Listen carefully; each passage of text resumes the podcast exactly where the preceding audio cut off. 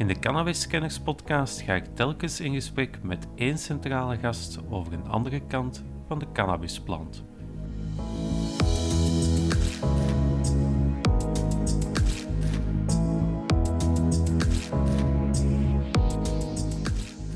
Mijn kritiek op uh, onder meer dus de war on drugs is het verdoezelt met welk doel je aan het uh, beleid aan het voeren bent. Voor mij is alles bespreekbaar, zolang het maar door experten mee op de tafel wordt gelegd. Ik vind dat politie niet moet doen alsof ze daar de waarheid in pacht hebben. Dat kan niet. Dat hebben de politie 100 jaar bewezen, dat ze rond drugs werkelijk geen enkele waarheid in pacht hebben.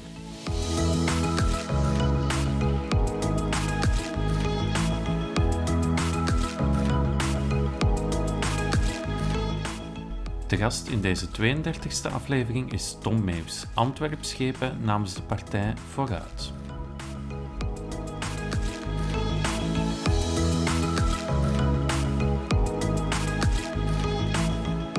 De politiek, de media.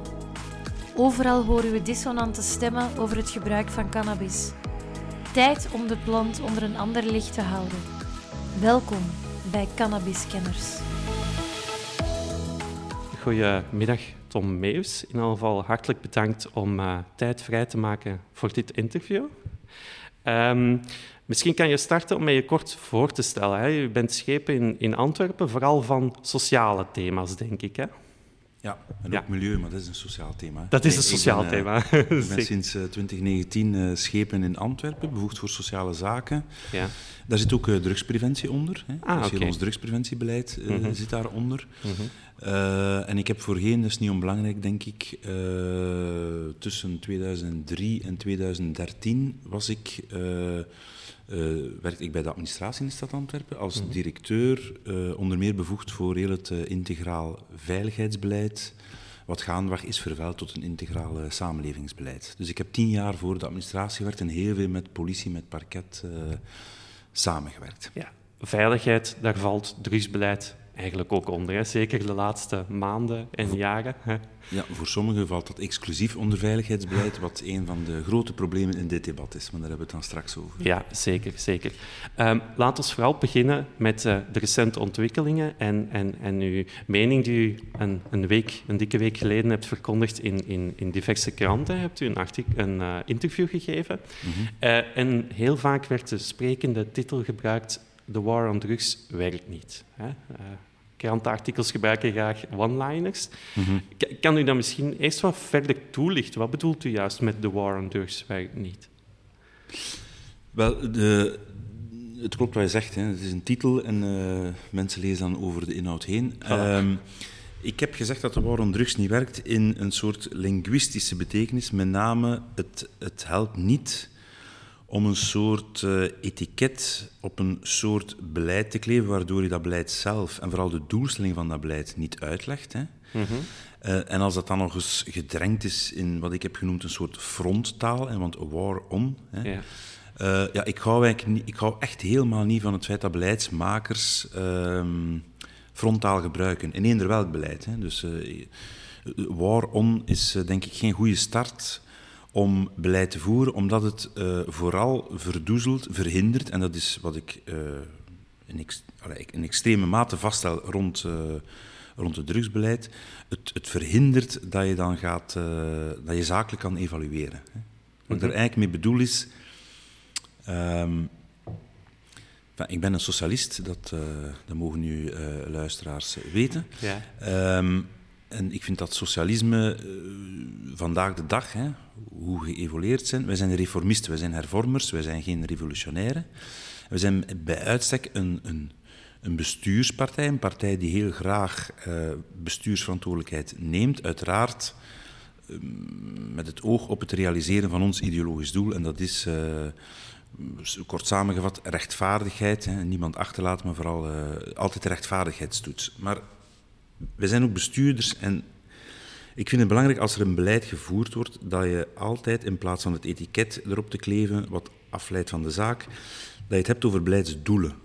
En dat je goed definieert met welk doel uh, wens je een soort beleid te voeren. En een beleid dat je voert, dat vergt dan middelen, uh, mensen, uh, financiële middelen. En dus het is heel goed dat je eerst en altijd heel helder en heel duidelijk, en we zijn daar heel erg slecht in, in Vlaanderen en in België, heel erg slecht zijn we in het formuleren van onze, van onze doelen. En mijn kritiek op onder meer dus de war on drugs is, het verdoezelt met welk doel je aan het beleid aan het voeren bent. En dus als ik zeg, het werkt niet is dat een dubbele bodem. Eén, het werkt niet alleen al omwille van het feit dat wij niet weten wat we zouden moeten onderzoeken om te weten of het werkt. Hè? Mhm. ja. omdat die doelen niet gedefinieerd zijn. Ja. Hè? En daar kunnen we het nu nog heel lang over hebben. Ja, absoluut. Absoluut, daar kunnen we het heel lang over hebben. Maar eh, wat u zegt is van, we moeten meer kijken naar waarom we die strijd dan voeren. Als je het dan al zo wil benoemen.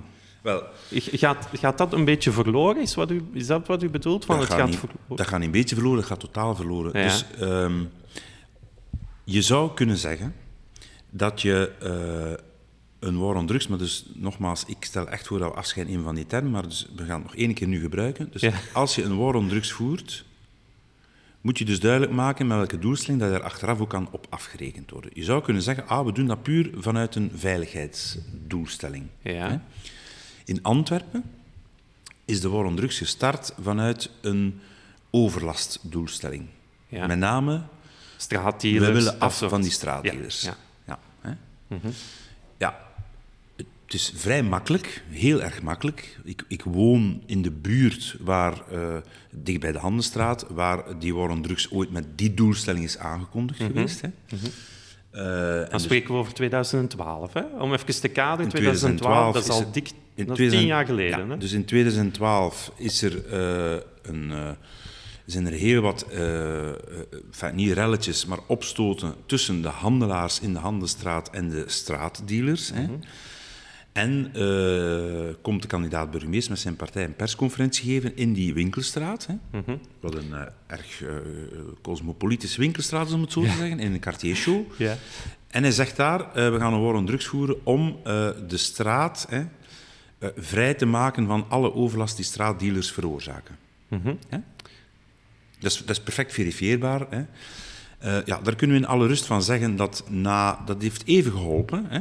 Ja opkuispraktijken, want dat is dat dan eigenlijk, hè, dat is met de kasnair. Hè. Dus dat werkt altijd eventjes en dan uh, krijg je ofwel waterbedeffecten, dan komt het gewoon terug. Of... En dus we kunnen vandaag in alle rust vaststellen dat als dat de doelstelling zou geweest zijn, maar daar kunnen we straks nog even over doorgaan, maar als dat de doelstelling zou geweest zijn, is in ieder geval in die zin uh, die waren drugs mislukt, want die doelstelling wordt niet gehaald. Vandaag uh, zijn er evenveel straatdealers actief als tien jaar geleden. Ja, want het was nog vrij recent, een tweetal maanden geleden ging het dan over de diepe straat. Ja, ja dus dezelfde net dezelfde problematiek. Ja, maar dat is dezelfde cluster. Hè? Ja, dus maar net dezelfde problematiek waar tien jaar geleden eventueel als doel was, we gaan dat proberen te bestrijden. Dat zou één doel kunnen zijn van die war on Voilà. En dus even tijd gewerkt. Ja.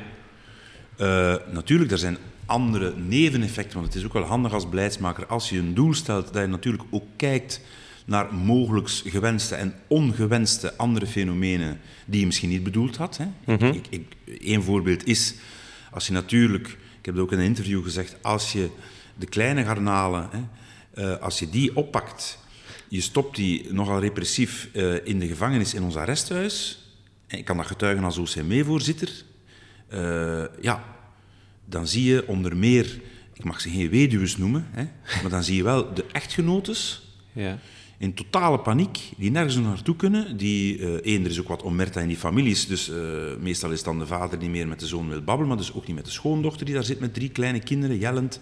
Binnen, komen die dan binnen in onze OCMW-zaal en dus die kunnen dan niet anders dan beroepen op sociale bijstand. Hè. Ja. Dat is een onbedoeld effect van de war on drugs, met name dat je meteen ook heel wat jonge vaders hun toekomst compleet ontzegt, hè, want dan komen die buiten met een strafblad. Met een strafblad. Dan vindt zelfs uh, het stadsbestuur, waar ik deel van uitmaak, zijn er sommigen in het stadsbestuur die dan vinden dat wij uh, die mensen via het OCM ook niet meer mogen te werk stellen, want ze hebben een strafblad specifiek. Uh, zijn ze natuurlijk opgepakt in het kader van de war on drugs. Dus dat gaat dan in tegen andere doelstellingen van het stadsbestuur. Ja. En dus je rijdt je vast. Dat is een onbedoeld neveneffect. Mm -hmm. Maar om even terugkeren naar die doelstelling. Wat, er zijn perfect andere doelstellingen denkbaar waarmee je drugsbeleid kan voeren. En dat is eigenlijk mijn oproep geweest. Mijn oproep is geweest, laat ons de frontaal achterwege laten en laat ons uh, ons drugsbeleid, waar uiteraard repressie een deel van kan zijn, hè, maar laat ons heel goed definiëren, heel goed en heel fijnmazig, sociaal precies definiëren wat dan onze doelstellingen en subdoelstellingen zijn. Hè? Maar we voeren toch al, hè, laten we het in het bredere plaatje nemen, al honderd jaar deze repressieve aanpak, laten we het zo omschrijven dan zou je toch denken, in die 100 jaar moeten toch al eens die doelstellingen geformuleerd zijn. En als ik persoonlijk mijn mening mag geven, dan denk ik dat de belangrijkste doelstellingen zijn de volksgezondheid, zo weinig mogelijk problematisch gebruik, zo weinig gebruik in, in, het algemeen. En als mensen dan gebruiken, dat het veilige producten zijn die ze gebruiken in een gecontroleerde omgeving met preventie en voorlichting. Dat, brengt mij bij de voornaamste kritiek, daarom dat ik een lange aanloop heb genomen. Ik ben het helemaal, helemaal met je eens. Ja. Het zou best eens denkbaar kunnen zijn dat als je eerst rustig zakelijk vaststelt met welke doelen, met welke subdoelen wens ik welk beleid te voeren, dat je dan inderdaad zou kunnen vaststellen dat het misschien beter is om een drugsbeleid te voeren vanuit een heel duidelijk geformuleerde gezondheidsdoelstelling. Drugsbeleid moet in de eerste plaats, in deze tijden van verlichting, waarbij we de vrije wil van mensen erkennen, hè, mm Waarbij we dus niet van uitgaan dat er van hoge rand nog geoordeeld moet worden, en al zeker niet moreel geoordeeld moet worden, ja. zou drugsbeleid uiteraard 100%, 100% een gezondheidsbeleid ingebed zijn in een gezondheidsbeleid, zij het, en dat is natuurlijk mede mijn oproep en ook mijn verleden in het veiligheidsbeleid, zij het dat er ook subveiligheidsdoelen eh, geformuleerd mogen worden. Bijvoorbeeld, we weten dat eh, drugshandel net zoals mensenhandel en zo, leidt tot uh, fenomenen van ondermijnende criminaliteit in onze stad. Je zou daar een aantal subdoelstellingen voor kunnen formuleren. Je kan een subdoelstelling formuleren zoals de Belgian Fruitworf, daar gaan we 100% uh, controleren op de instroom van kook. Dat mag van mij allemaal, maar dan moet je ook durven communiceren over de resultaten. Moet je durven zeggen, vandaag de dag is dat 1 à 2 procent. Dus dan maak je je eigen beleid een beetje belachelijk. Maar dat helpt dan wel om desgevallend ook andere doelstellingen te eiken. Het echte probleem, om even eerst de voeten echt in de plat te steken, is dat ik velen in de politiek ervan verdenk, en ik vind dat ontoelaatbaar in het jaar 2022, dat hun enige doelstelling een uh, oudbakken, anachronistisch, uh, morele doelstelling is. Maar natuurlijk, vanuit moraal en vanuit morele overwegingen beleid voeren is, wat mij betreft, in deze tijden on, ondenkbaar. Hè? Ondenkbaar. Dus je kan niet, om welke reden dan ook, hè, dat kan de eigen biografie zijn, dat kan de biografie zijn van vrienden, van familie, van kennis, maar als je zo blind uh, de moraalridder uithangt, hè, ja. Uh, één, dat moet je durven zeggen. Dat blijkt trouwens ook in de reacties de laatste week, want nu schiet het alle kanten op. Nu gaat men de kookgebruikers ja, uh, moraliseren. aanspreken, men liegt, men politie liegt, aanspreken. Hè, ja, men liegt dan over het aantal... Uh, Politieagenten dat ontslagen. Ja, dus de ene dag is de helft van het korps zit aan de kook, de andere dag blijkt het maar één iemand te zijn. Dus dat schiet aan alle kanten uit. Uh, in de meest vreselijke uitspraak die daar is gebeurd, en die is een beetje tussen de, de mazen van het net geglipt, dat is dat op een bepaald moment onze burgemeester heeft toegegeven in een interview dat hij misschien toch zou voorstander zijn van legalisering van wel bepaalde middelen. Enfin, het ging in dit geval over kook. Uh, maar dat het dan op Europees niveau moet gebeuren, waar hij onmiddellijk aan toevoegt. Hè, dan moet Europa ook zeggen dat ze haar bevolking vergiftigt. Ja, die citaat heb ik gelezen en dat ze dan hè, de... En als conservatief politicus, sorry dat ik onderbreek, als conservatief politicus, want het is wel een heel belangrijk punt, omdat het aangeeft hoe politici verdwaald zijn ja. door geen doelstellingen durven benoemen, verdwalen ze in het bos van, de, van echt de moralistische, bedweterige doelstellingen. Dat is heel gevaarlijk. Ik hou niet van dat soort politicus. Mhm.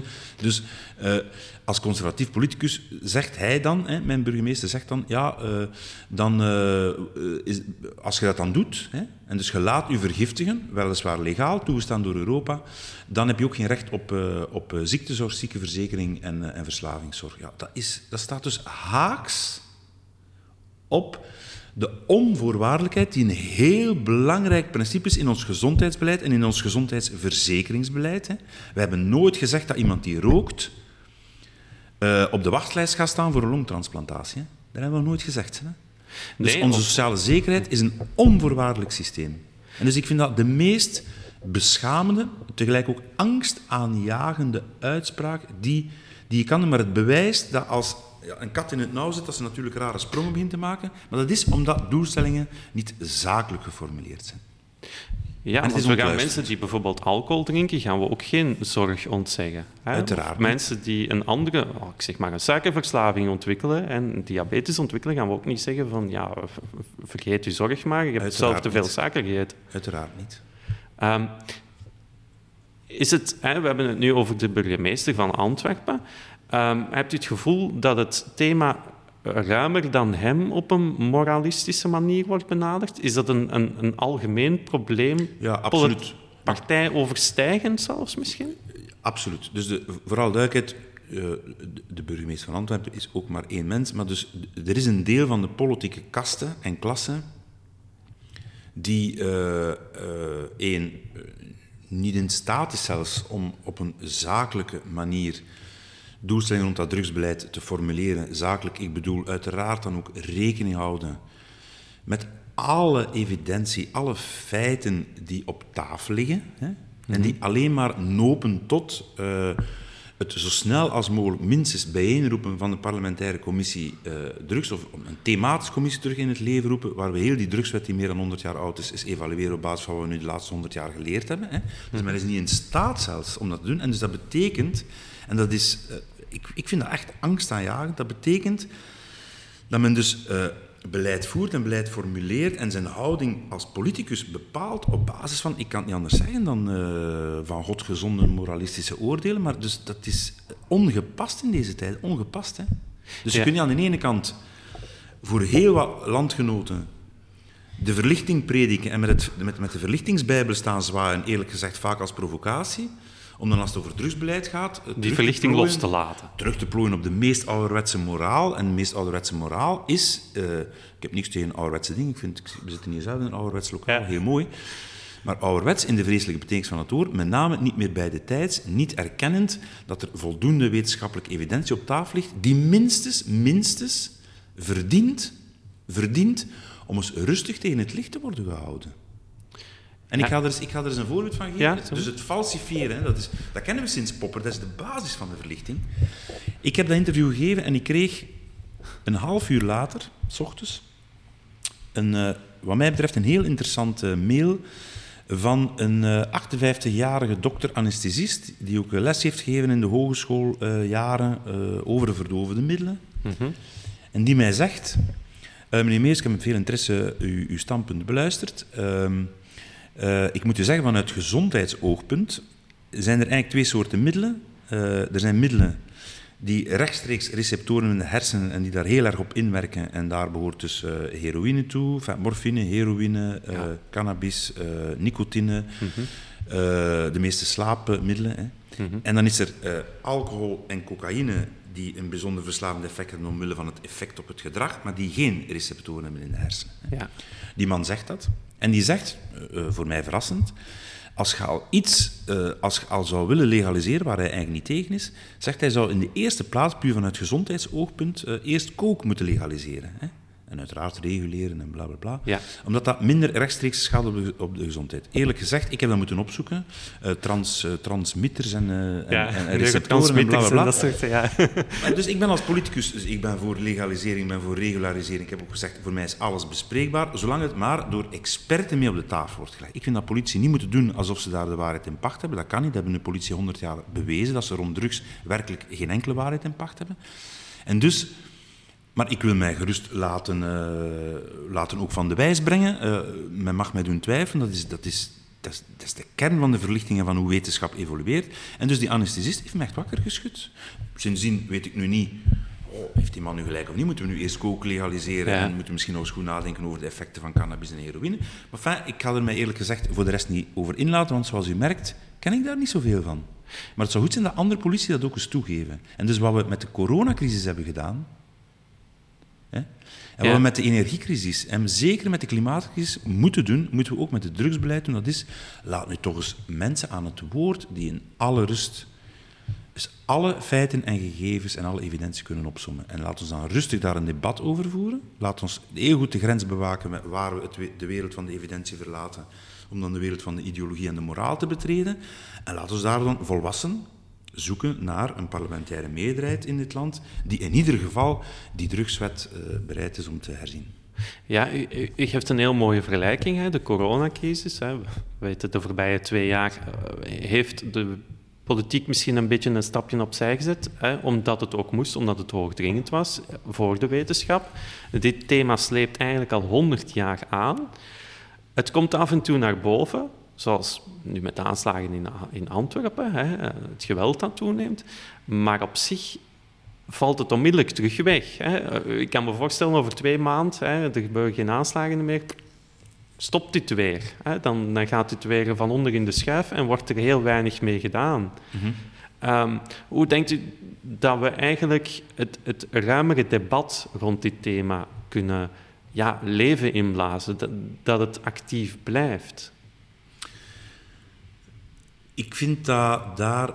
Uh, uh, politici moeten niet drijven op de waan van de dag. Het is niet omdat media daarop drijven dat politie dat per se moeten doen. Dus ik vind dat er een paar wat mij betreft, de meest saaie, denkbare politici hè, moeten opstaan en moeten heel duidelijk maken dat in een volgende uh, federale regering, maar ze moeten zelfs niet wachten op de vorming van die regering. Ik vind dat eigenlijk het parlement, van als het gekozen is, het nieuw gekozen parlement, van mij mogen ze nu ook al beginnen, hè, uh, dat die dringend het initiatief moeten nemen om een, uh, om een, een, themacommissie drugs en evaluatie van de drugswet te agenderen. Niet omwille van de slechts denkbare aanleiding is de, uh, het drugswereldje en het criminele wereld dat op elkaar zit te schieten. Dat is de slechts denkbare aanleiding. De best denkbare aanleiding is, wat mij betreft, het feit uh, uh, dat mogelijks, mogelijks, als wij niks doen, de gezondheid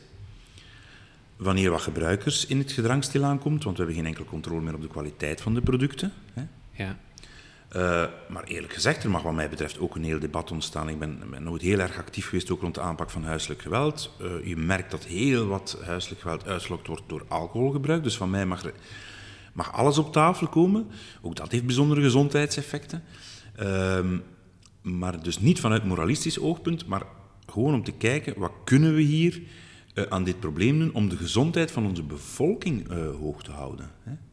Ja, maar, maar hè, om, om, om bij het, punt van alcohol te komen, hè, heel veel mensen, hè, inclusief politici, zeggen van ja, alcohol, dat hoort bij alle culturen, dat is er altijd al geweest, dus dat heeft een andere positie. Hè. Dat neemt een andere plaats in dan, hè, laten we zeggen, producten als cocaïne, cannabis. Ja, cannabis bestaat ook al miljoenen jaren. Los daarvan, dat is toch geen wetenschappelijke visie. Je kan toch moeilijk zeggen van, ah ja, dat bestaat al eeuwen, hè, dat wordt door iedereen gebruikt, dus dat krijgt een fiat. Nee, maar dat, is, dat standpunt is historisch, ja. antropologisch kwatsch. Hè, dat is kwatsch.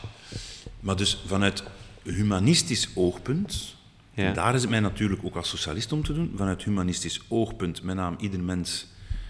Uh, wordt eh, helaas niet gelijk geboren, maar wel gelijkwaardig eh, geboren. Mm maar vanuit humanistisch oogpunt ja. kan je uiteraard alleen maar vaststellen dat de mens, en ik heb nogal een positief mensbeeld, maar ik, ik besef ook dat de mens, Isaiah Berlin heeft dat heel mooi genoemd, hè, het kromme hout waar de mens is uitgemaakt. Hè. Dus de mhm. mens is in wezen ook wel een zwak wezentje, hè, uh, waar we heel vaak uh, mededogen mee moeten hebben, vind ik. Hè. Mhm. en dus er zijn allerhande redenen, en het, het dus we moeten daar geen ethicus op loslaten of dat een goed of kwaad is, maar er zijn allerhande redenen waarom mensen altijd, altijd op de een of andere manier uh, verdovende, oppeppende, gedragsveranderde uh, of bewustzijnsveranderde middelen hebben genomen. Laten we al beginnen met misschien eens dat onderscheid te erkennen. Hè?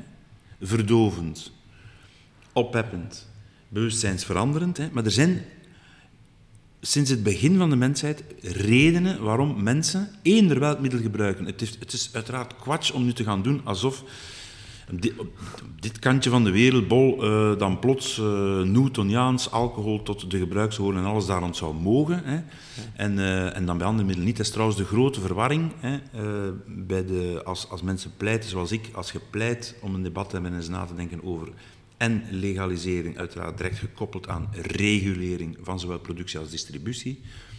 Het is bijzonder kwalijk dat dan ook in het publiek debat men meteen en, en de media is daar schuldig aan, meteen uh, verder gaat op het elan zoals het met alcohol is uh, gelopen. Dus net het omgekeerde moeten we zeggen. Hè. Als we pleiten voor legalisering en reguleren, moeten we onmiddellijk en altijd erbij zeggen, we gaan niet dezelfde fouten maken die we gemaakt hebben met alcohol, met alcoholreclame, ja. hè, die we gemaakt hebben met tabaksreclame. Dus niemand pleit ervoor om het gebruik uh, te gaan faciliteren en te vergemakkelijken. Dat is, dat is niet de achterliggende reden. De achterliggende reden is altijd weer een gezondheidsdoelstelling, hè, mm -hmm. waar je stilaan uiteraard ook een aantal veiligheidsdoelen kunt aan koppelen. Wij weten allemaal dat uiteraard het, het, het, legaliseren en het reguleren in ieder geval een strafverslag zou kunnen toebrengen aan de georganiseerde misdaad dan, uh, dan, het nu, uh, dan onze ogen dicht houden en het illegaal houden. U vermeldde het al, de media. Hè? Ik, ik ik denk dat u het ermee eens bent dat de media hier ook een rol heeft in te spelen. Hè? Um, de media is, is na uw interview ook heel hard daarop ingegaan, vooral over die cocaïne. Hè? U sprak daar één zin over, we moeten cannabis reguleren, legaliseren. Ik heb daar daarna niks meer over gelezen. Hè? Dat was dan één zin. En hmm. uh, denkt u dat de media daar ook een, een misschien schuld of, of mee in, in dat moraliserende meegaat in dat verhaal? Absoluut. Ja? Absoluut. En, en hoe merkt u dat dan? Door het, het, totale, onvermo het totale onvermogen om daar, uh, om daar een soort tegensprekelijk uh, debat uh, rond te voeren met volgehouden inspanningen, met volgehouden kopij, met volgehouden volgeschreven kolommen. Dus het verzandt altijd in. Nu zullen we de professor die we allemaal kennen, die voor legalisering is aan het woord laten, daar zetten we dan snel iemand anders tegenover. Ja. Het liefst van al nog een vader of een moeder uh, die iemand kent, ja. ja. Die helemaal onderuit is gaan aan het ja. drugs. Dus het is van een, van een amechtig kleuterniveau het, het, het, publieke debat, het publieke debat uh, over drugs in België. Uh, meestal eindigt het ook altijd met de dooddoener, aller dooddoeners. Dat is, zie maar eens naar Nederland, dan is het helemaal mislukt. Allee, dus, dat, is, ja, dat is helemaal geen argument. Hè. Dus, daar zitten weeffouten in dat uh, Nederlands drugsbeleid. Hè. Ja. Maar dan is het de taak van een journalist om, om toch te zeggen tegen een politicus die zegt van kijk maar naar Nederland, dan is het toch de taak van een journalist om te zeggen ja, maar dat heeft te maken dat men de cannabishandel enkel de detailhandel heeft gedoogd dan nog maar. Hè. We gedogen toch ook geen appels, tabak of koffie. Nee, maar... Je moet het hele product legaal maken, van punt A tot punt e-, eindpunt. Dat is toch de taak van de journalistiek? Ja, maar fijn, dat is een ander debat en een andere podcast allicht. Ja. Uh, maar gelukkig uh, hebben we in dit soort podcast tijd om de argumenten wat langer te ontwikkelen. Ja. Want het probleem is ook met allemaal in soundbites en dus het moet te snel. En dus is het over naar de volgende vraag ja, in, in, de traditionele media. Dus uh, laten we ons voorlopig hoopgevend ophouden dat de podcast de democratie kan rennen. Ja, laten we het daarop houden. Een aspect waar ik het ook nog wil over hebben, aangezien u toch met heel veel sociale thema's uh, te maken hebt. Mm -hmm. Iets wat regelmatig terug in de podcast kwam, hè, zowel vanuit de hulpverlening als preventie als criminologie, heeft te maken met het discriminerende aspect. Hè. Het, het mooie voorbeeld is van een jongere van 19 jaar die in Maasgaat woont met een schoon huis, een schone tuin en die een jointje rookt, de kans dat die gepakt wordt tegenover iemand van Noord-Afrikaanse afkomst die in een sociale woonblok woont zonder terras en die enkel een jointje kan roken op in een park, ja, die kans is waarschijnlijk een pak groter. Gelooft u dat daar, vanuit uw ervaring, dat daar ook een discriminerende, een, ja, discriminerende factor aan zit, aan, aan die bestraffing van teruggebruik? Er is in ieder geval een rechtvaardigheidsissue. Dus we moeten uh, niet te lichtzinnig het adjectief discriminerend gebruiken. Rechtsongelijkheid. Ja. Misschien zou dat een betere woord ja, of... Als dat over geografische gebieden gaat, uh, vind ik dat niet zo'n simpel argument. Hè, want er is uiteraard uh, ook de. Daar heb ik trouwens de, de burgemeester helemaal uh, bijgetreden. Hè, dus ik ben een fan van bestuurlijke handhaving op lokaal niveau. Ik mhm. vind dat ook nodig. Ik vind dat de plicht van de burgemeester. Trouwens, in de nieuwe gemeentewet. De burgemeester moet alles eraan doen om de openbare rust, veiligheid en gezondheid van de burgers te garanderen. Hè. Dus ik vind dat een geweldige passage in de nieuwe gemeentewet en een geweldige bevoegdheid van de burgemeester. Die ligt niet eens bij het college van burgemeester en schepen, die ligt bij de, bij de burgemeester zelf.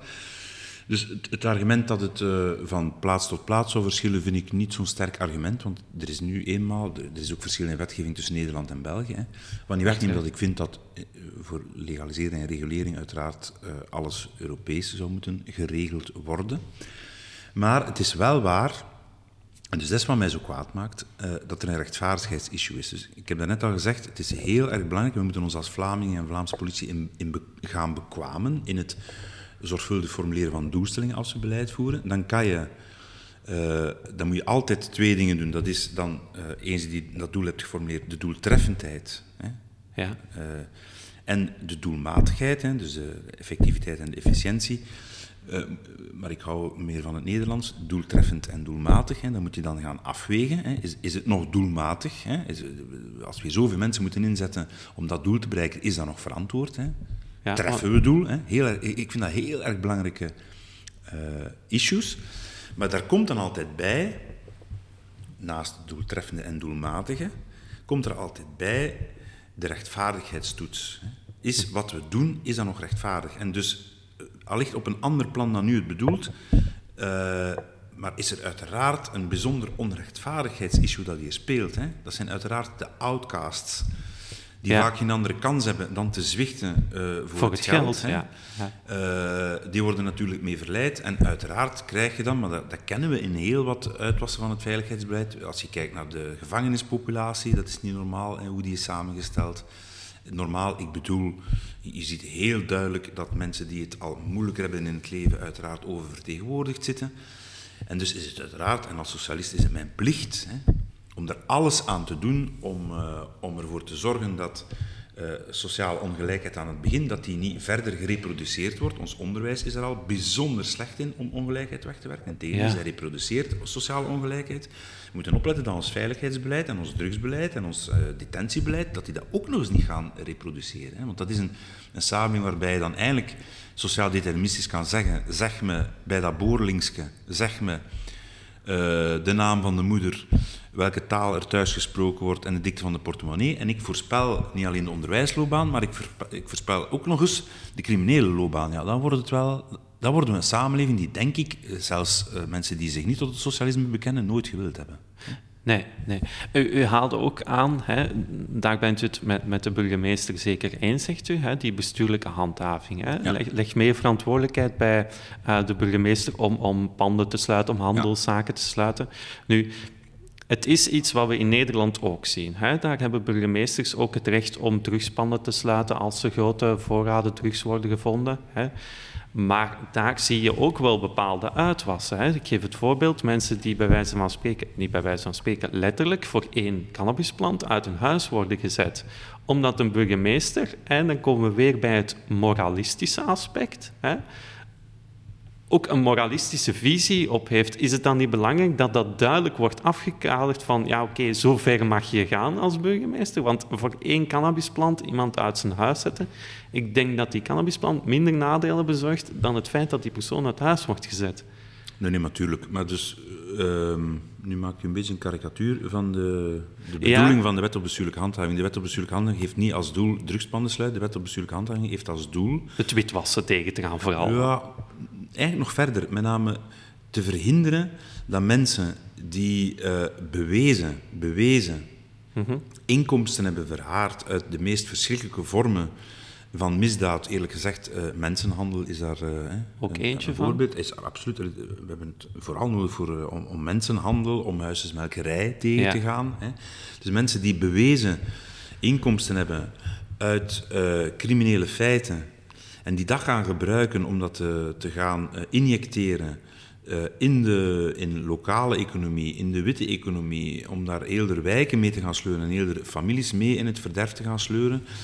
Het is, een, het, is een, het, is een, het is de bedoeling om uw economie daarvoor te beschermen. Nee, zeker uw, uw lokale middenstand en, en uw lokale handel. Dus het, het, het, het, is voor mij ondenkbaar dat je een pand zou sluiten omdat er een, een cannabisplant staat. Vooral duidelijkheid, nogmaals, mijn pleidooi past in aan de ene kant die uitwassen van we, waar we het over eens zijn dat het zware misdaad is. Ja. Hè, En waar we natuurlijk voorlopig niet meer over eens zijn politiek, dat is dat het kweken van een cannabisplant dat dat zware misdaad zou zijn. Hè. Dus we moeten tegelijkertijd gaan, kunnen we niet rond het legaliserings- en reguleringsdebat heen. Hè. Dus uh, ik ben niet aan het pleiten om nu eerst nog fors de, rep de repressieve kant te gaan versterken, ja. om tegelijkertijd niks te doen aan de, aan de, aan de legale kant. Uh, ja, want dat, dat, de titel was heel sprekend van het artikel van ja, de war on werkt niet, maar in het artikel treedt u de burgemeester op bepaalde vlakken uiteraard absoluut, bij, hè, over die repressieve kant. Absoluut. Maar u maakt dan ook de,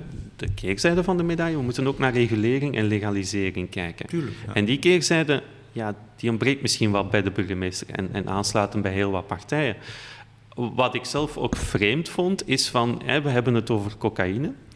Cocaïne wordt gebruikt door 1% van de bevolking. We zijn mhm. vooral een doorvoerland. Mhm. Als je kijkt naar producten als cannabis en ecstasy, meer mensen gebruiken ze, ze worden lokaal verhandeld en ze worden lokaal geproduceerd, dan denk ik van, is het niet belangrijker dat we daar prioriteit van maken? Nee, nee natuurlijk.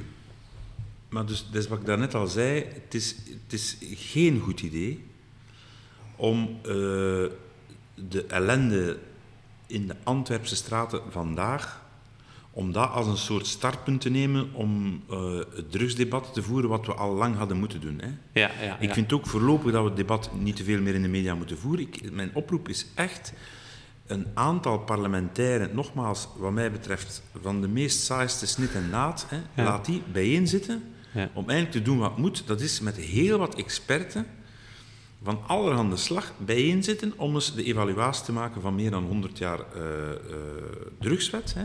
Ja. Uh, er, ligt, er, ligt, voldoende informatie op tafel om, denk ik, tot een nieuwe maatschappelijke consensus uh, te komen. Maar de aanleiding daarvan mag zeker niet uh, de Antwerpse war on drugs zijn. Hè. Nee, want dat zijn twee zaken idee. die los van elkaar staan. U ziet, ziet, het los. Hè? Het drugsbeleid staat eigenlijk los van... Want misschien is het dan ook een verkeerde term om drugscriminaliteit te gebruiken. Want het is eigenlijk gewoon criminaliteit. Of dat dat nu over drugs mensenhandel, um, wapenhandel, gokken. Het, is gewoon criminaliteit. En misschien moeten we dan loskoppelen van het woord drugs. Ja, maar absoluut. Ik heb het, alleen vooral duidelijkheid, ja. ik heb het, ofwel heb ik het over drugsbeleid, waar je een aantal doelstellingen moet formuleren. Ja. Nogmaals, daar kunnen ook veiligheidsdoelstellingen bij zitten. Mm -hmm. uh, of, zoals ik daarnet noemde, zware vormen van misdaad. Ja. Ik heb niet gezegd zware vormen van drugsmisdaad. Hè? Ja, dus ja. we moeten dus, en dus ik ben voor die wetbestuurlijke handhaving, omdat je daar een aantal zware vormen van misdaad, mensenhandel, ja. huisjesmelkerij, hè, mee aanpakt. Mee zou kunnen aanpakken. Ja, ja. Om nu terug concreet te gaan, hè, cannabis lijkt hè, als het dan gaat over regulering en legalisering, het, mhm. meeste kans te hebben om op korte termijn stappen in te zetten. Hè. Mhm, mhm. Cocaïne is heel moeilijk, want het is een importproduct. Hè. Dan moet je al in Colombia, hoewel dat de nieuwe president van Colombia zelf al zegt van kijk, die oorlog is verloren. Hè.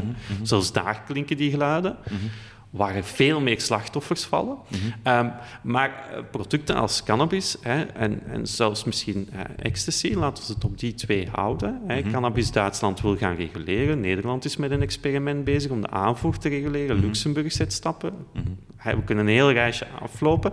Maar in België gebeurt er eigenlijk op dat vlak heel weinig, tenzij uitspraken van een burgemeester als Philippe Kloze. Hè, die zegt van, oké, we moeten hier stappen inzetten. Mhm. Ook omdat hij natuurlijk wel ziet, denk ik, van...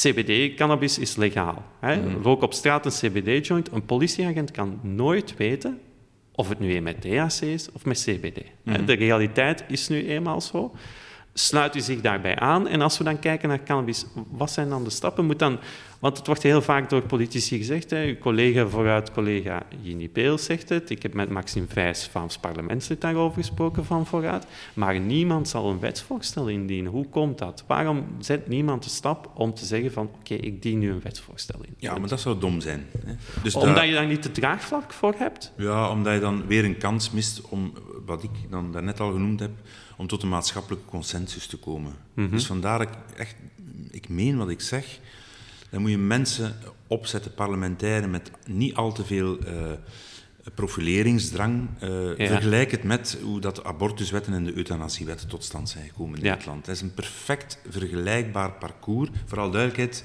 niet in het, in het fenomeen of in het onderwerp. Nee, hè, omdat, het ethische, omdat het ethische nee, nee, nee, nee, nee, en. Het gaat me om het proces. Hè. Dus, ja, dus ik herhaal, zij, de onderwerpen hebben niks met elkaar te maken. Nee. Maar het gaat over het parlementair proces. Hè. Dus ik ben een, uh, een socialist, een reformist. Ik geloof ook erg hard in de parlementaire democratie. Ik geloof niet meer dat de media daar nog een, op een of welke manier nog een constructieve rol in kunnen spelen. Mm -hmm. uh, maar dus parlementairen kunnen dat wel. Dus parlementairen moeten zich van de rest van de wereld even niks aantrekken. Ze zetten zich samen. Ze zetten alle experten bijeen, ze leggen alle informatie, informatie op tafel, ze nemen daar voldoende tijd voor, liefst van al mensen ook van verschillende politieke partijen, om dan in alle rust en zakelijkheid tot een nieuwe consensus te komen, die wat mij betreft, en dat is het moeilijke, die wat mij betreft meteen dan op het Europese niveau gedeeld moet worden.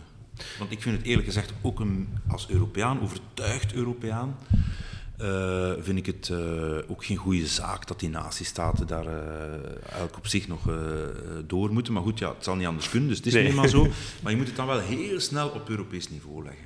Ja, want ja, landen als, als, als Luxemburg en Duitsland en Malta heeft het nu ook legaal gemaakt, Ja, cannabis. ja. Die doen dat op eigen eh, initiatief. Hè. Die zeggen, we, we wachten niet op Europa. Hè. Want Europa is natuurlijk... Europa gaat van, van België tot, tot landen als Polen de visie op, op, op druggebruik zal ook heel divers zijn. En, en, en ook weer vanuit morele standpunten ga je dan wel heel snel tot een consensus kunnen komen. Nee, nee, maar enfin, dus ik vind dat we in België het echt dat het parlement een initiatief moet nemen. Hè? Mhm. Nogmaals, verschillende parlementairen. Ja. Uh, maar ik vind dat we echt moeten blijven ijveren uh, in de Raad van Ministers, hè, minister Volksgezondheid en zo, om, om ook daar het, uh, het debat in ieder geval uh, te voeren. Hè. Want die heb ik bijvoorbeeld niet gehoord. Ik heb Frank van den Broeke niet gehoord over dit thema. En hij is minister van Volksgezondheid. Ja, dan moet u hem vragen. Heeft Ja, ja. natuurlijk, heeft is natuurlijk natuurlijk een bijzonder vele uitdagingen. Ja, ja, dat geloof ik zeker. Maar, maar, maar- maar, ons partijstandpunt trouwens is, is, is eh, bekend. is heel helder. Ja, uiteraard, uiteraard. Maar je zou toch verwachten, hè, als het over cocaïne gaat, cocaïnegebruik, waar zijn we het over eens? Geeft u zelf ook aan, een gez- volksgezondheidskwestie. Nou, de minister van Volksgezondheid zou daar dan toch ook een, een, een, misschien een uitspraak over kunnen doen of een interview over kunnen geven. Of, of lijkt u dat overbodig? Ja, eh, Frank kennende sluit ik niet uit dat hij dat ooit doet. Hè. Eh, maar nogmaals, eh, als vice-premier... Heeft de werk genoeg, Heeft hij hè? werk genoeg, ja. dat geloof ik zeker. Hè? Wat vindt u trouwens... Hè, ehm, Het is trouwens, als ik toch nog eens mag, ja? het is alweer ook een klein beetje een ouderwets mediatrucje dat je uithaalt. Hij is Oei, natuurlijk, oei. Ja, omdat hij executief is. Hè. Dus hij is, een, hij is een uitvoerend minister. Ik heb bewust gezegd Dat het parlement dat vooral... het parlementaire moet Mhm. zijn. Ja. Wat, vindt u, hè, want de voorbije weken, hè, heel veel mensen hebben nu uitspraken gedaan. Hè. Wat vindt u van, van de uitspraak van Chris Luiks, de, topadvocaat, die zegt van oké, we, we moeten misschien die cocaïne, die druggebruiker, eens een briefje sturen van eh, we, we weten wat je vorige zomer hebt gedaan. De politie, de arm der wet, omschreef hij het zelf, is daarvan op de hoogte. Is dat, denkt u, voor u iets dat nut heeft? Dat, dat een, een bepaald doel, welk het dan ook mag zijn, bereikt? on- eh, ik vond dat een onbegrijpelijke uitspraak eh, voor iemand die ken als toch eh, een voorvechter van heel wat liberale waarden. Hè. Ja. Dus dat soort gemoraliseer. Hè. Dus het, het proberen moraliseren van, van uw kookgebruikers, Ja. ik vind dat een aantal bruggen te ver. Een aantal bruggen te ver. Eh, briefjes die in de bus vallen, waarvan we dan hopen dat de vrouw en de kinderen het zien en dan moet de papa het uitleggen. Allee, sorry, ik vind dat voor een liberaal onbegrij- onbegrijpelijk, ook weer anachronistisch tot en met. eh, ja, ik, allee, ik kan er eigenlijk niet bij. Kan, dat brengt ook niks bij. Dus we hebben, je hebt eigenlijk een aantal verdedigingslinies gehad die eigenlijk alleen maar de, de, de, de poverté van het debat bewijzen. En van dus het onvermogen in dit land om eens rustig met elkaar te debatteren. Hè. Eh, ik ben er trouwens zelf slachtoffer van, hè, want ik heb dus eh, het hoofdbestanddeel van mijn interview ging er eigenlijk over dat ik de burgemeester steunde. Hè. En Ja, dus inderdaad. hij- maar de titel... eh, ja, ja, dus voilà. Dus dat bewijst, dat bewijst... Maar goed, nogmaals, dit Ja, is geen podcast over de werking van de media. nee, nee. Maar dus, er zijn drie argumenten die wat zijn komen bovendrijven door eh, degene die ieder debat hieromtrent vreest. Dat is het moraliseren van druggebruikers. Dus is totale onzin, heel erg inconsequent. Ik heb al lachend gezegd, nu zal ik naar het college gaan vragen dat wij terug fairtrade gemeente worden, want dus dan moeten met wat we dragen en wat we eten, daar hangt ook allemaal bloed aan ons, Ah ja, aan ons aan billen. hè. alles kleeft bloed. Hè? Je mag niet Dus naar voilà. het EK in Qatar gaan kijken Ja. op tv, want ja, die, en dat gaan we toch massaal doen. Hè? Dus Ja, dat gaan we voilà. massaal doen. Dus is o- totale onzin. Hè? Dus het moraliseren van gebruiks allee, is een heilloos pad. Twee, ja, natuurlijk, pure leugens de wereld insturen door eh, met een soort van eh hyperbool, hè? door te zeggen dat de, de helft van het korps aan de drugs hangt. Ja, dat helpt ook niet. Hè? het, het helpt niet. Hè? Eh, dus dat is, dat is kwalijk. En dan drie, toch een toegift doen in, in, in het debat rond legalisering, om, om, om het dan meteen plat te slaan en te zeggen, maar als je dan nog een verslavingsprobleem zou hebben, hè, dan moet je er zelf voor opdraaien. Ja.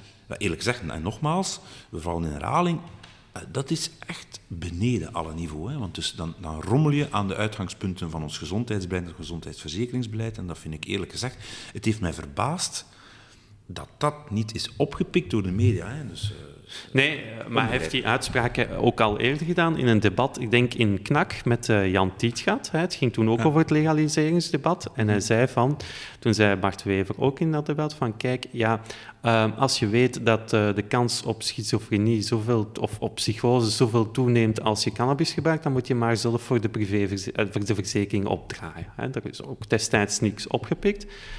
En misschien maakt het debat ook moeilijk dat alles op één hoop gegooid wordt. Drugs is drugs. Ja, drugs varieert natuurlijk. Dat is niet één product. Nee, maar als ik daar toch eens, wat me daarin zo stoort, is dat Ja. natuurlijk past in een heel erg eh, meritocratische visie. Alles is eigen verdienste, alles is ook eigen schuld. Hè?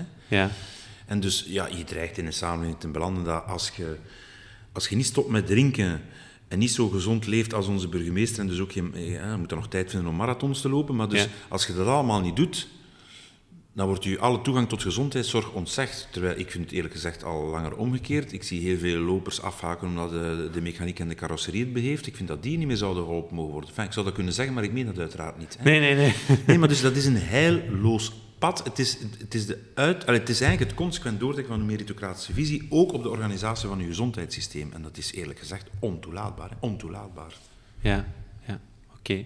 Ehm, de toekomst, hè, daar, daar zou ik het dan ook nog wel e- eventjes over willen hebben. U, u pleit, ehm, ik denk dat u ervoor pleit, eh, om, om een, dat de burgemeesters van de grote steden gaan samenzitten. Daar bent u voorstander van. Hè?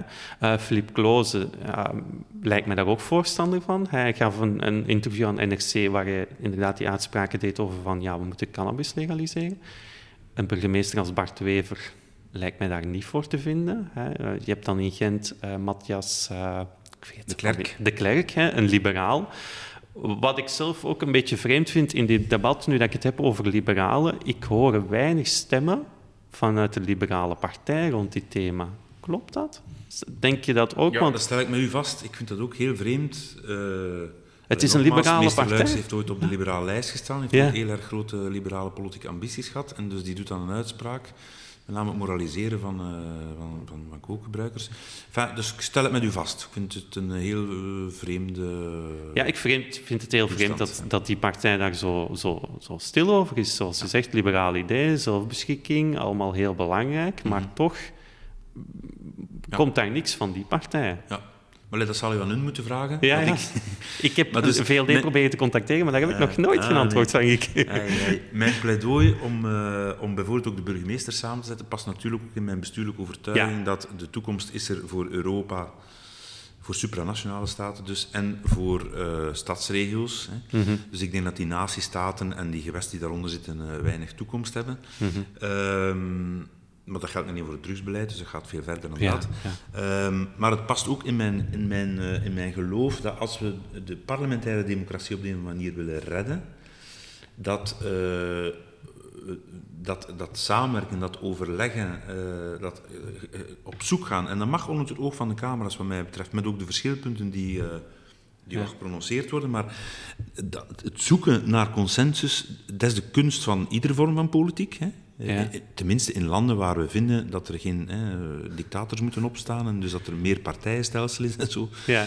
vind ik het een goede zaak dat je versplintering toestaat, eh, maar dat je dan maar eh, toch moet proberen tot consensus te komen. Dat is de kunst van politiek. En dus alle, alle, alle initiatieven die daar genomen worden om op die manier op zoek naar consensus juich ik toe.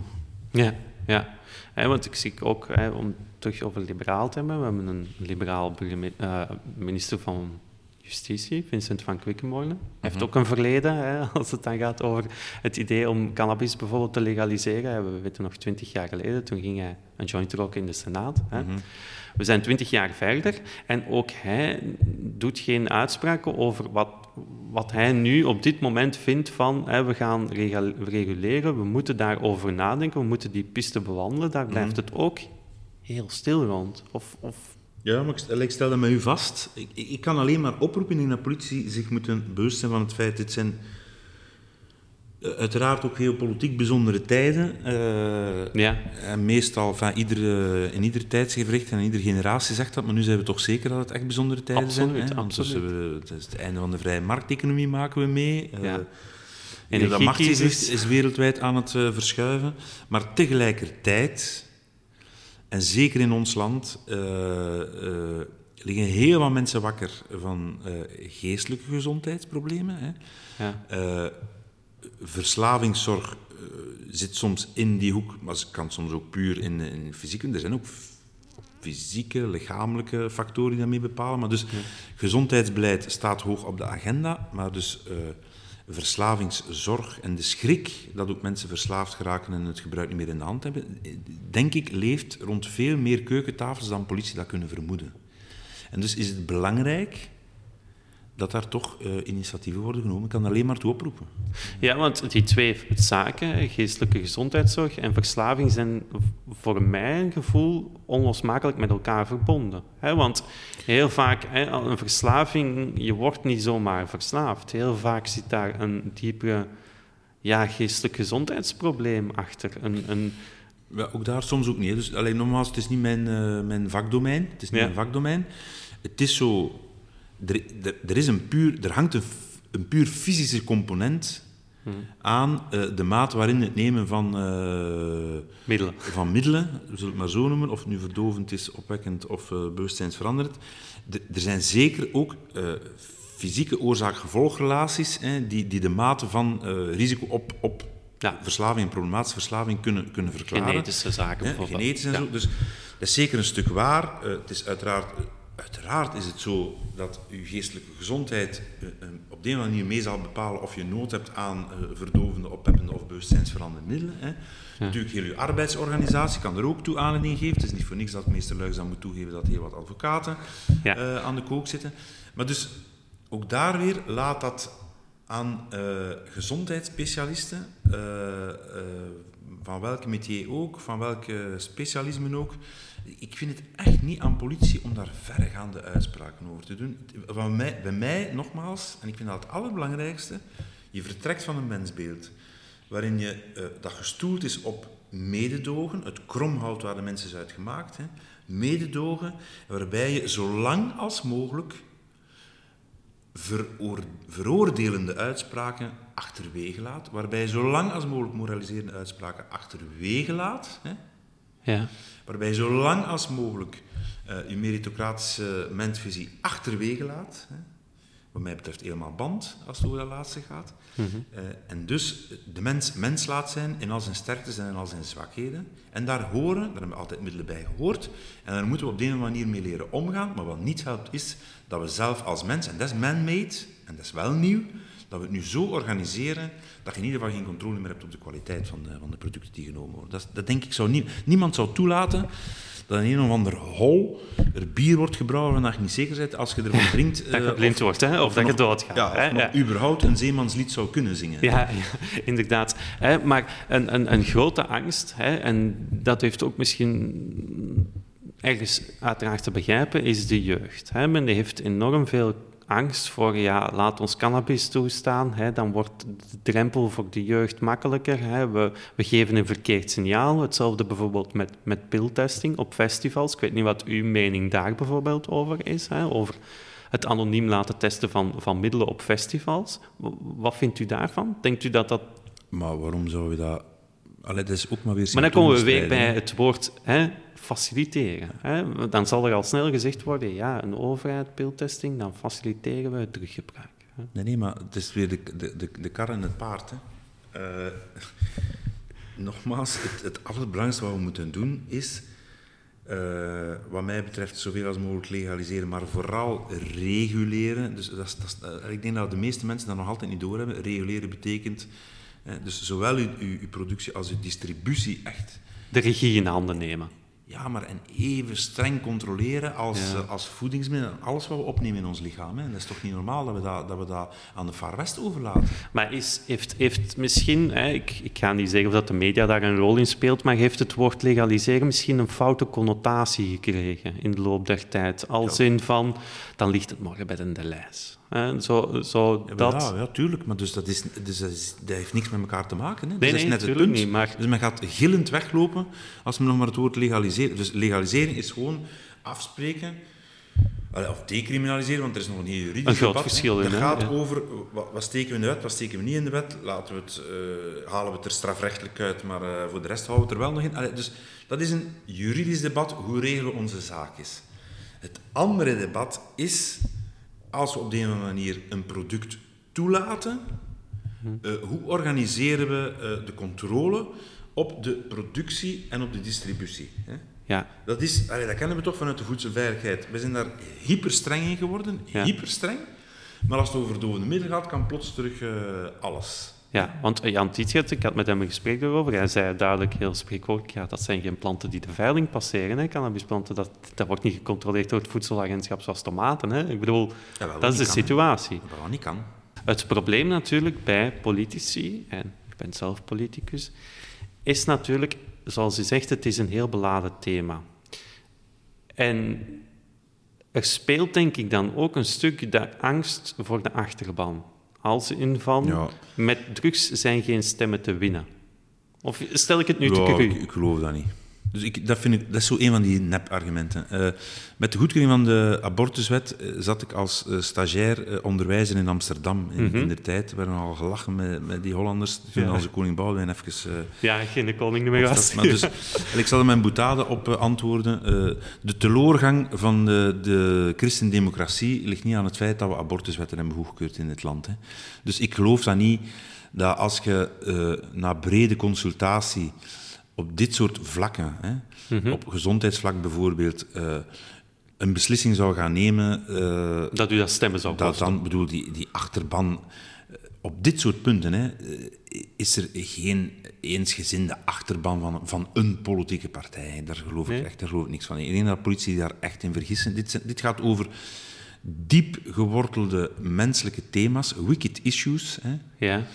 Waar eh, partijideologie eh, veel en veel en veel minder eh, speelt. Ja, ja. Dus, dus wat u zegt van ja, oké, zelfs in, in, in, in rechtse partijen zijn Natuurlijk. ook mensen die zeggen van dit drugsbeleid werkt niet. Maar het is, natuurlijk. het is, eh, staat los van partijideologie. Want het is, allee, dus, dat is niet links-rechts. Nee, nee, dus daar, Nee, daar dat, wordt er wel van gemaakt, Ja. hè, want dit is Ja, gewoon een gezondheidskwestie los van links-rechts, naar Nee, mijn is- mening. Hè. Nee, maar dat is framing, dat is een discours opzetten om, om er, dat is weer al, hè, om er dan gemakshalve van af te geraken van een debat. Hè. We, we, zeg- we zeggen al snel dat het rechts of links is, dan moeten we, er, dan moeten eigenlijk al een hoop argumenten niet meer uitwisselen. Hè.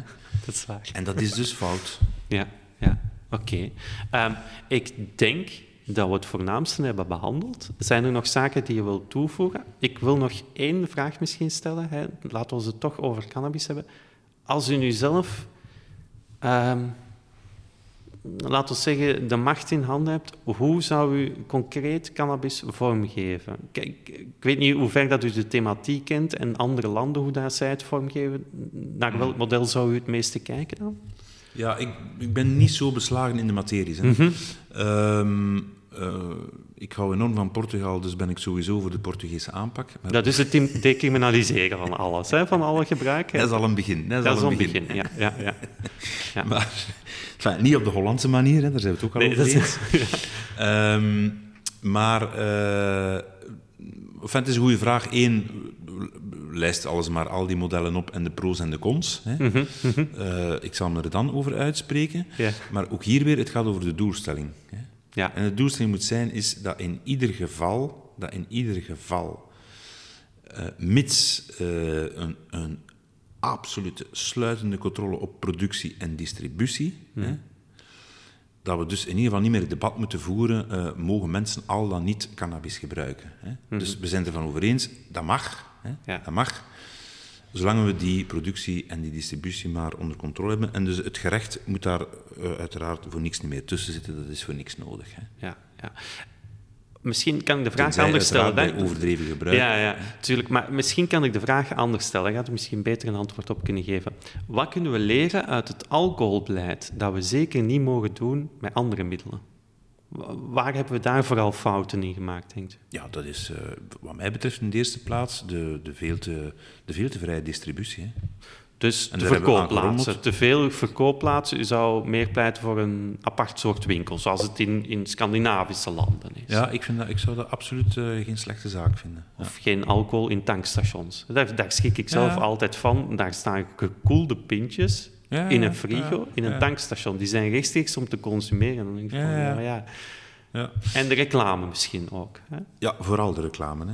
Want daar, dat vond ik zelf een beetje frappant. Ik heb er mij misschien een beetje aan gestoord. Hè. Onze minister van Quickenborne hè, maakte zich heel sterk van we gaan de gokreclame aan banden leggen. Hè. Geen gokreclame voor Mhm. voetbalwedstrijden. In de En Jupiler Pro League. Pro Ja. League, Dan denk ik van, heeft daar de lobby iets mee te maken? Ik ben misschien aan Ja, het doemdenken. Hè, maar Uiteraard. Maar doemdenken niet en ook niet complotdenken, maar Ja, ja, voilà. uiteraard is daarvoor gelobbyd. Hè.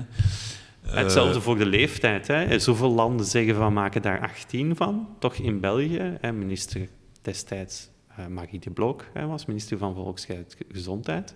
Nee, we laten het op 16. Mm. Maar dus, eh, eh, ik ben het er allemaal mee eens. Dus we hebben, we hebben heel veel fouten gemaakt in de distributie die we veel te vrij hebben gemaakt. En uiteraard dan nog eens de massa's reclame die Mhm. Ja. we daar rond hebben toeges- toegestaan. We zijn daar, vind ik, nu zo incrementeel, eh, proberen we daar telkens wat van af te geraken. Hè. Met tabak doen we dat al veel meer. Al veel meer, hè? al veel meer. Ja, omdat we dan plots, dan was er de consensus, ah, de longkanker, hè? en dus de longesjes. Ja, ja, ja. Waar ik van overtuigd ben dat alcohol eh, eh, heel veel schade aanricht in heel wat huishoudens, hè, heel wat schade aanricht. Dus in ieder geval, die fout moeten we niet maken, maar laat het ons ook wat positief benaderen. Mhm. En We moeten niet, moet ook niet obscuur worden of zo. Allee, ik geef een voorbeeld. eh, ja, ik, ik drink uiteraard ook wel eens graag een glas, eh, maar eh, ik ben bijvoorbeeld ook een drummer. Hè. Eerlijk gezegd, op tien jaar tijd zie je overal, als we bijvoorbeeld moeten optreden ook, zelfs in, in de, de kleinste cafés in dit vrolijke landje, kan je stilaan wel een 0,0 vragen. Maar, je moet er, ja. maar je moet er meestal wel om vragen. In kleine cafés hebben ze het ergens. Achter. Soms, ja, soms staat het dan niet gekoeld, omdat ze al vergeten waren en er zijn wat spinnenwebben op en je moet altijd de houdbaarheidsdatum eens checken. Maar Het is er wel. Het, wordt geboden. Het is er wel, maar dus eh, omgekeerd. allee, je kan dus in het aanbod eh, uiteraard ook wel eh, producten verzinnen waardoor mensen niet eh, constant naar de verdovende, opheppende of de bewustzijnsveranderende middelen moeten grijpen. Hè. Dus ik denk dat daar nudginggewijs veel meer mogelijk is, waardoor ik nogal gerust ben. Dat is als je gaat legaliseren, maar meteen erbij zegt dat je ook heel streng en strak gaat reguleren, dat je dan helemaal geen schrik moet hebben dat eh, de jeugd hier massaal eh, aan de drugs gaat hangen. Ja, ja. Hè, dat zien we. Hè, zoals het, het voorbeeld tabak, 20 jaar geleden. Roken op café en op restaurant was, was oké. Ik denk dat er nu heel weinig mensen zouden zijn die zeggen van we willen terug, dat je terug op café kan roken. En wanneer, maar die, die story moet ook eens verteld worden. Ik vind dat, allee, dus er zijn ook heel wat verhalen te vertellen, wa- waarbij we ook in alle openheid wel kunnen, kunnen, kunnen nadenken over, is het allemaal zo normaal dat we al die middelen nodig hebben? En, Ja. en dus het verhaal van tabak is daar, vind, wat mij betreft, is eigenlijk een onwaarschijnlijk Mooi ver- verhaal. van maatschappelijk aan, hoe snel het maatschappelijk aanvaard geraakt is. Ja. Dat roken natuurlijk niet, eh, niet, niet zomaar eh, normaal is, dat je niet per se moet beginnen doen vanaf je 12 of van je 14. Hè? Ja. Dus, eh, En zeker in die omgeving, hè, zoals een restaurant of café, vroeger in de trein zelfs. Hè. Ik, kan Ja, mij ja. nu niet meer voorstellen dat je een coupé binnenstapt en dat je in de walm van de rook. Maar dat zijn maatschappelijke veranderingen en, en, en denkpistes. Maar dan hoor je heel vaak, en dan ga ik weer zo'n cliché boven halen, in dat debat, zeggen van... Ja, we gaan vandaag toestaan dat het mag en morgen gaan we zeggen dat het eigenlijk heel ongezond is. Nee, maar dus dat eigenlijk is dat heel simpel. Het is niet omdat we eh, bepaalde producten die nu nog verboden zijn, legaliseren en vervolgens ook heel goed reguleren, dat we daarmee zeggen dat Doe we nu, maar op. nu dat we eigenlijk af zijn van de groene Michel en de Richmond Ja. op onze salontafel, dat we dat daar aan plots gaan volleggen met lijntjes kook. Allee, dat is niemand... Dat, is zo... Dat is de, ja, de- het, het armoedige debat. Hè. Dus er is niemand die daarop uit is. Niemand. Nee, nee. Voilà. Dus laat dat iedereen geruststellen aan welke zijde van het spectrum ook. Men moet geen schrik hebben dat dat soort karikaturale eh, dingen zich zou herhalen. We zijn mensen, maar we maken niet telkens dezelfde fouten. Hè. Ja. En dus we gaan moeten leren omgaan met eh, middelen en middelengebruik. We moeten niet doen alsof we dat, alsof we dat kunnen bannen. Hè. Mhm. Dus allee, de eerste les die we toch moeten leren is de drooglegging heeft in Amerika niet gewerkt en ze werkt hier ook niet. Hè. Ja. Dus dat weten we, er is genoeg gedragspsychologisch onderzoek naar gebeurd. Dus nogmaals, alle feiten samenleggen en in alle rust, maar dat vergt enige verbeelding blijkbaar. Sommigen hebben daar middelen voor nodig, anderen niet.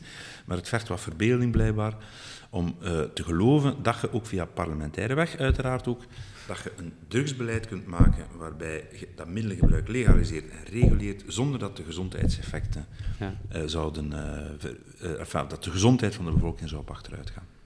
Misschien hè, kunnen we daarmee eindigen. Eigenlijk, ik eigenlijk ook. is hetgeen wat u zegt van we moeten pla- eh, middelen geen plaats buiten de maatschappij geven, maar een, een correcte plaats in de maatschappij. En geloven dat we dat in het jaar 22, met alle middelen die ons ter beschikking staan, ik bedoel ook technologische middelen en bla bla Ja. bla, dat we daartoe in staat zijn om eh, de gezondheid van de bevolking op te krikken in de plaats van die mee eh, de vernieling in te helpen. Oké, dan gaan we het daarbij laten. Want ik, wil heel hard bedanken voor de tijd vrij te maken voor het gesprek. Wil ik u danken Om tot hier te om komen. dit forum zegt- te bieden. Ja, voilà. Bedankt Tom Mees voor dit uitgebreide gesprek. En u luisteraar, u hoor ik graag binnenkort terug voor een nieuwe aflevering van de Cannabis Scanners podcast.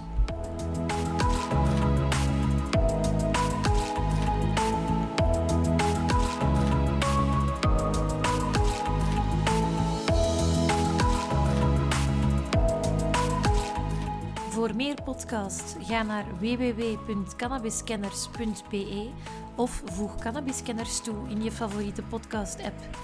Heb je een vraag of wil je graag iets delen? Mail dan naar info.cannabiscanners.be.